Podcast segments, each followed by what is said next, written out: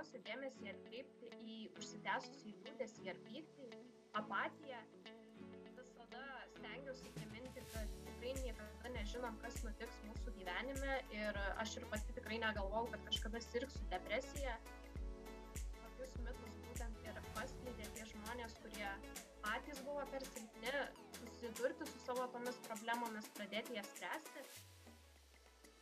Aš tikrai nieko prieš tai neturiu ir manau, kad tai yra gera pagalbos priemonė, tačiau sakyčiau, kad tai reikėtų vertinti atsargiai, nes tie dalykai dažniausiai yra žmonėms, kurie dar gali su savimi susitvarkyti patys. Pasimatom tai patirčių, žinių, įspūdžių bei patarimų kupinas projektas jaunimui, o šiandien svečiuose turime gintarę miglinaitę kuri šiuo metu studijuoja psichologiją o savo žiniomis apie psichologinę sveikatą karantino laikotarpiu pasidalins su mumis. Tai galbūt pradėkime nuo prisistatymo. Gintare ar galėtumėt keliais sakiniais e, papasakoti apie save savo veiklas ir kokį vaidmenį jūsų gyvenime atlieka psichologija? Taip tai aš jau gerus kelis metus rašau įvairius reklaminius tekstus e, tiek anglų tiek lietuvių kalbomis ir taip pat studijuoju psichologiją. Tai čia turbūt būtų du pagrindiniai dalykai ką mėgstu tai būtent rašymas ir psichologija taip pat esu sukūrusi instagramo paskyrą emocinė kelionė kurioje dalinuosi tiek savo patirtimi, tiek žiniomis apie emocijas, depresiją, nerimą ir, na, apskritai visą psichologiją. Ir taip pat galbūt, manau, svarbu būtų paminėti, kad aš ir pati kažkada sirgau depresiją. Pati psichologija tai mano gyvenime turėjo labai didelę įtaką jau nuo pat paauglystės, nes vis tiek e, kadangi tuo domėjausi, tai visada kažkaip žinojau, kaip bendrauti su žmonėmis, kaip palaikyti santykius su jais. Ir žinoma, man aktualiu tapo ypač depresija, nerimas, nes būtent susirgusi, manau, kad daug lengviau susitvarkiau su visu tuo, nes domėjausi tą psichologiją, tais pamatiniais dalykais ir manau, kad man tai labai padėjo į viską pažiūrėti iš kitos pusės. O kaip šis laikotarpis gali paveikti žmonių emocinę būklę ir prie ko gali privesti ne tik fizinis, bet ir emocinis izoliavimasis? Aš manau kad pirmiausia šis laikotarpis tai žinoma gali kelti žmonėms nerimą dėl ateities dėl nežinomybės kas ir kaip bus. Taip pat manau kad tai yra laikotarpis kai žmonėms tek teks susidurti galbūt su visomis neigiamomis emocijomis nuo kurių buvo bandyta bėgti iki tol nes vis tiek yra nemažai žmonių kurie daug dirba stengiasi užsiimti įvairiomis veiklomis tam kad pabėgtų nuo tų savo jausmų ir emocijų, kad nereiktų su tuo tvarkytis. Manau, kad šiuo laikotarpiu, kai, sakykime, daug laiko leidžiame namuose ir galbūt ne visada yra ką veikti, tai bus laikotarpis, kai teks susidurti su tomis emocijomis. Aišku, emocijų užlaikymas yra labai blogas dalykas ir aš apie tai nuolat kalbu ir savo paskyroje, nes ir iš savo patirties galiu pasakyti, kad tos užgneuštos emocijos, nuo kurių bandome bėgti, vis tiek anksčiau ar vėliau sugrįžta ir neretai dar skaudžiau. Tikrai manau ir norėčiau patarti, kad žmonės vis tiek bandytų palaikyti ryšius su kitais, kad ir nuotoliniu būdu susiskambinti, parašyti, išsikalbėti, o galų galiai, jeigu nėra su kuo pasikalbėti, tai išrašyti tas emocijas, kad tiesiog palengvėtų. Na ir aišku, esant rimtesniems problemams, tai raginčiau netgi ir kreiptis į psichologus. O kuo tokios neigiamos emocijos gali paveikti žmonių fizinę sveikatą? Tai kalbant apie tą patį emocijų slopinimą, fiziškai tai iš tikrųjų gali įtakoti mūsų kraujo spaudimą. Taip pat, pasak tyrimų, tai ypač didina diabeto riziką. Taip pat kartai žmonės tas emocijas slopina ir pasąmoningai, net patys to nesuprasdami, tai irgi gali išlysti per tokius dalykus kaip e, migrenos skausmai, įvairios virškinimo problemos.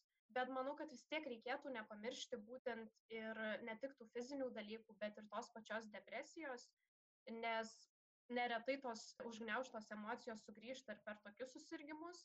Prie šito klausimo dar labai norėčiau paminėti ir tokį vieną tyrimą.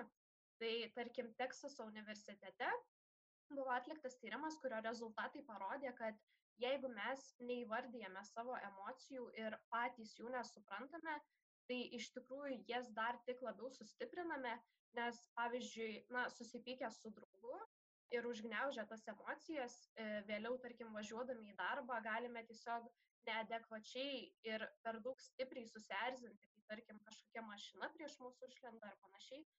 Tai iš tikrųjų būtent tai ir įvyksta dėl tų slopintų emocijų ir dažnai mes pykstame, liūdime, e, jaučiame nerimą, net nesuprasdami kodėl ir dažniausiai tai ir yra būtent dėl to, nes anksčiau slopiname tas emocijas, izoliavomės ir, ir jų neišreiškėme. Tai manau irgi svarbu tai paminėti ir suprasti. O kaip apskritai galime įvertinti tą psichologinę sveikatą ir pastebėti, kada yra būtina ko nors imtis? Pavyzdžiui, ar žmogus fiziškai sveikas, tai gali būti tyrimai ar gydytojų analizė, o kaip yra su psichologinė sveikata? Tai psichologai taip pat iš tikrųjų atlieka įvairius testus tam, kad nustatytų, pavyzdžiui, žmogaus streso arba nerimo lygį, taip pat ir tą pačią depresiją, bet iš tikrųjų tų sutrikimų yra įvairiausių ir labai daug tai vardinti kiekvienos simptomus, aišku, užtruktų ilgai, bet aš manau, kad svarbiausia dėmesį atkreipti į užsitęsusį liūdėsį ar pyktį, apatiją, nes aišku, liūdėti kiekvienam iš mūsų yra normalu, tai yra normali emocija, tačiau jeigu tai užsitęsia per ilgai, tai gali rodyti ir rimtesnius kažkokius sutrikimus. Taip pat manau, kad reikėtų atkreipti dėmesį ir į pasikeitusius galbūt valgymo, miego įpročius, nes tai gali rodyti ir anoreksiją, bulimiją, tą pačią depresiją. Taip pat galėčiau įvardinti ir nerimą, nes jis taip pat kartais gali būti tikrai normalus, tačiau jeigu jis jaučiamas nuolat ir labai dažnai ir trukdo įprastai gyventi, tai irgi yra gana didelė problema, nes tikrai yra žmonių, kurie, tarkim, negali net ir išeiti iš namų, susitikti su kitais, būtent dėl jaučiamo nerimo, tai tuomet tikrai reikėtų irgi kreiptis į specialistą. Bet, na, apskritai kalbant, aš manau, kad kiekvienas žmogus pats gali įsivertinti, kad jeigu yra kažkokia problema, kur, kuri tiesiog trukdo įprastai gyventi ir apsunkina tą mūsų gyvenimą, tai tikrai galime suprasti, kad kažkas ne taip ir tuomet reikėtų kreiptis, manau, tikrai pas specialistą. Kai kurie žmonės Lietuvoje mano, kad kalbėti apie psichologinės pagalbos poreikį yra tabu. O kaip manote, kodėl vyrauja toks nusistatymas ir kaip išdrysti kalbėti apie tokias problemas tiems, kuriems to labiausiai reikia? Aš iš tikrųjų manau, kad e, tas nusistatymas vis labiau mažėja ir tikrai labai tuo džiaugiuosi, e, bet aišku, problema vis dar yra gana didelė pati prie, sukūrusi savo paskyrą iš tikrųjų ėmiau pastebėti ir daugiau žmonių, kurie kalba apie tą nerimą, emocinę sveikatą. Ir e, tikrai labai tuo apsidžiaugiau, kad tai nebe, nebėra kažkokios galbūt gėdingos temos, bet kuo daugiau ėmiau bendrauti su tais pačiais savo sekėjais, iš tikrųjų pastebėjau, kad vis dar daugelis yra įsikabinę į kažkokius mitus ar stereotipus, pavyzdžiui ta pati psichologų tema kad lankytis pas psichologą gali tik labai silpni žmonės. Tokios iš tikrųjų frazės tikrai nuliūdino mane nes aš manau kad tokius mitus būtent ir paskleidė tie žmonės kurie patys buvo per silpni susidurti su savo tomis problemomis pradėti jas spręsti ir tikrai niekada žmonių kurie sugeba tai padaryti ir stengiasi išbristi iš tos duobės tikrai niekada nevadinčiau silpnais O atsakant į kitą klausimo dalį, aš manau, kad na, mes patys turime būti tuo pavyzdžiu uh, ir išdrysti kalbėti galbūt uh, su visų pasauliu iš karto apie tai, kas mums nutiko, gali būti tikrai per sudėtinga. Tai manau, kiekvienas iš mūsų gali pradėti nuo savo šeimos ar draugų. Pavyzdžiui, žmonės, kurie lankosi pas psichologą, sakyčiau, kad galėtų tiesiog lik niekur nieko tai įterpti į pokalbį su draugais, tarkim, pasakyti, kad negaliu susitikti, nes lankysiuosi pas savo psichoterapeutą, ar, tarkim, mano psichologas irgi taip sakė, na, nes iš tikrųjų mes vis tiek turime elgtis taip ir kalbėti taip, lyg tai būtų normalu, nes kol patys nerodysime to pavyzdžio, tol tiek mūsų aplinkai, tiek visam pasauliui, na, toliau atrodys, kad tai kažkas keista ar nenormalaus. Tai manau, kad patys turime rodyti tą pavyzdį. Tačiau ką daryti, jeigu namuose turi būti su žmonėmis, kurie kartais neigiamai veikia tavo emocijas? Taip, tai čia iš tikrųjų yra gana sudėtingas atvejis, ypač karantino metu, e, kai gali atrodyti, kad tiesiog na, nėra kur dingti ir pasislėpti nuo tų žmonių, vis tiek teks su jais gyventi. Tai aš manau, kad e, galbūt pradedant iš tos pusės, kaip susitvarkyti su tais žmonėmis, manau, kad e, pirmiausia reikėtų suprasti, kodėl jie taip elgesi, kodėl galbūt kartais labai negatyviai žvelgia į mūsų tuos išgyvenimus ir problemas. Pamastyti, na, patiems savo užduoti klausimus tiesiog, uh, kodėl tas žmogus taip bendrauja, kodėl jis taip atsako, kas pas jį viduje galbūt dedasi, nes, na, neretai faktas, jeigu žmonės elgesi negražiai, tai galima žiūrėti iškart iš tos pusės, kad ir jiems kažkas viduje skauda ir kažkas nėra gerai. Man tarkim labai patinka frazė, kad e, pabandyti įsivaizduoti, kad su to žmogaus vidiniais siaubais mes turime susidurti tik kartais, na, o jis su tuo gyvena visą laiką, tai tiesiog pabandyti įsivaizduoti, ką jis tuomet jaučia.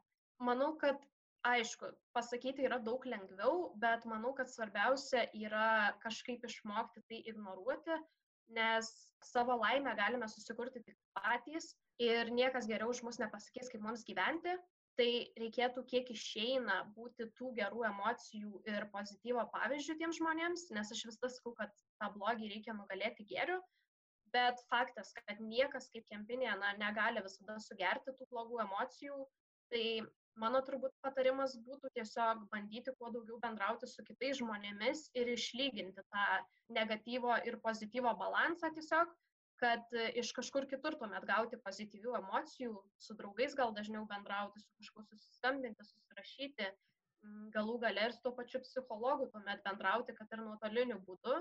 Tiesiog, na, ieškoti, iš kur tuomet pasisemti tų pozityvių emocijų, nes tam tikrai žmonėmis tikrai kartais susitvarkyti ir e, bet kokia kritika jų atžvilgių, aišku, tiesiog skatina juos gintis ir, na, nelabai išeina susikalbėti taip. Tai o kur geriausiai būtų galima ieškoti pagalbos, kada žmogus supranta, kad jam sunku susidoroti su per didelė savikritika ar netgi nenoru nieko veikti? Uh, taip, tai jeigu problemos yra per sunkios išspręsti pačiam, faktas, kad tuomet reikėtų apsilankyti pas specialistą, tai aš aišku siūlyčiau pradėti būtent nuo psichologo. Ir labai dažnai paaugliams, kurie, tarkim, man rašo, aš paturiu eiti pas mokyklos psichologę, kas aišku dabar yra gana sudėtinga galbūt karantino metu, tačiau aš pati pradėjau būtent nuo jos, kai tiesiog nežinojau, kur eiti ir ką man čia dabar daryti.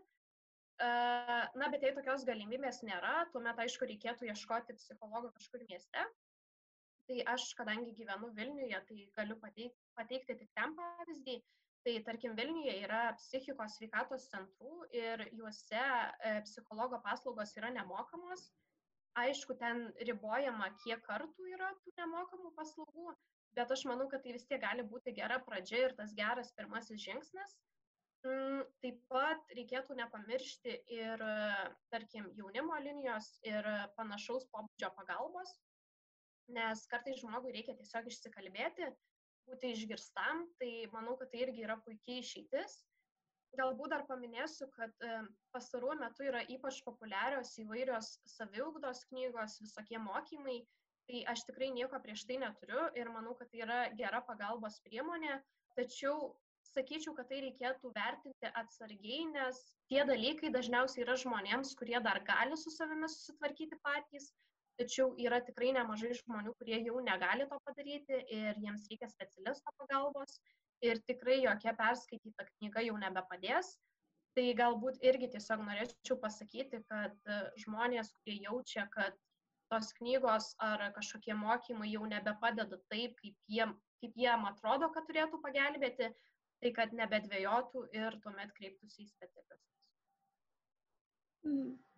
Ir paskutinis klausimas būtų, kokius patarimus galėtumėte duoti žmonėms, kad būtų galima išvengti tokių problemų, o kaip tik uh, padėti savo geriau jaustis ir rasti motivacijos bei disciplinos. Taip, tai iš tikrųjų tikrai dažnai pastebiu, kad žmonės galvoja, jog ta emocinė sveikata galbūt nereikia tiek daug domėtis, nes, na, jiems viskas gerai. Tai visada stengiuosi priminti, kad tikrai niekada nežinom, kas nutiks mūsų gyvenime. Ir aš ir pati tikrai negalvau, kad kažkada sirgsiu depresiją, Tai tarkim pati visada domėjausi psichologija, bet galbūt labiau irgi iš saviugdos pusės.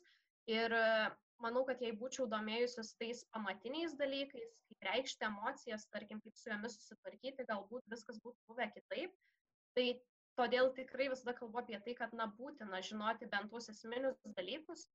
Ir gal jau pasikartosiu, bet pradėčiau nuo to, kad, na, išmokti tas savo emocijas reikšti ir jų neslėpti, aišku, sveikais būdais, e, tarkim, ten supykus tikrai neišlėti to ant kitų žmonių, bet galbūt pradėti tiesiog nuo pokalbių su draugais, su šeima, su artimais kažkokiais žmonėmis, su kuriais pasitikime, o jeigu tokių nėra, aš visada skatinu žmonės tiesiog išrašyti tas emocijas ir tai, ką jaučia. Kitas dalykas turbūt būtų keisti mąstymą, na, kas yra aišku lengviau pasakyti nei padaryti, bet tikrai ir internete, tarkim, galima susivesti mąstymo klaidos ir rasti tokias pagrindinės klaidas, kurias daro beveik kiekvienas iš mūsų. Aš ir savo paskyroje stengiuosi vis tai paminėti. Tai tarkim, yra žmonės, kurie remiasi tokiu viskas arba nieko mąstymu ir galvoja, kad visada yra tik dvi išeitys, tai kad jiems, pavyzdžiui, pavyks arba nepavyks Ir tai yra didelė mąstymo klaida, nes, na, užveria kelią pamatyti tas, kad yra daugiau galimybių, kad yra daugiau išeičių. Tai tarkim, aš siūlyčiau pradėti tai spręsti nuo tokių paprastų dalykų, kaip tiesiog stebėti, ką galvojame ir stengtis pakeisti tas savo mintis, tiesiog sąmoningai. Pavyzdžiui, nenaudoti tokių kategoriškų žodžių kaip visada, niekada, viskas arba nieko, Ir turbūt dar vieną norėčiau paminėti klaidą, tai tarkim, labai dažnai žmonės galvoja, kad žino, ką masto kiti žmonės, toks kaip minčių skaitimas galbūt įvardinčiau, nes iš tikrųjų tai labai dažnai mes viską vertinam tik iš savo perspektyvos, labai mažai žinom, kodėl kiti žmonės taip elgesi, kodėl jie taip kalba. Tai aš manau, kad labai gerai būtų ugdyti įprotį tiesiog visada pasitikslinti, paklausti dar kartą ir išmokti nuoširdžiai pasikalbėti, nedarant kažkokių skubotų išvadų. Taip pat gal dar įvardinčiau tokį dalyką kaip dėkingumo praktikavimą, nes aš pati iš tikrųjų anksčiau tai labai daug dariau, dabar šiek tiek apmažėjo, bet tikrai man tai gana nemažai padėjo, sakyčiau, pamatyti, kiek daug jau turiu.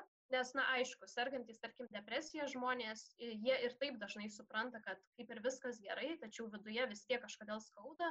Iš esmės tai tikrai prisideda prie emocinės sveikatos gerinimo ir aš pati bent jau ką rekomenduoju dažniausiai, tai tarkim susirašyti dalykus, dėl kurių esame dėkingi ir vėliau pabandyti tiesiog įsivaizduoti gyvenimą be to, jeigu neturėtumėm tos sveikatos, kokią turime dabar, draugų, kuriuos turime šeimos, nes na tai tikrai padeda viską pamatyti šiek tiek kitaip. Taip gal pabaigai norėčiau užbaigti, kad labai svarbu apskritai kažką daryti, nes neretai žmonės perskaito kažkokių patarimų ar knygų ir viskas ties to pasibaigia. Tai tiesiog norėčiau pasakyti, na, kad jeigu nebandysime nieko daryti, tai niekas ir nepasikeis. Tai svarbu bent kažką pradėti daryti, keisti tą savo rutiną, įpročius ir tikrai pamažu ta emocinė sveikata gerės. Aš tikiu, kad šis pokalbis tikrai daugeliu suteiks informacijos uh, apie tą psichologinę sveikatą šiuo laikotarpiu. Ir taip pat labai labai norėčiau Jums padėkoti už išsamius ir labai įdomius atsakymus. Ir visiems linkiu likti visapusiškai sveikiems.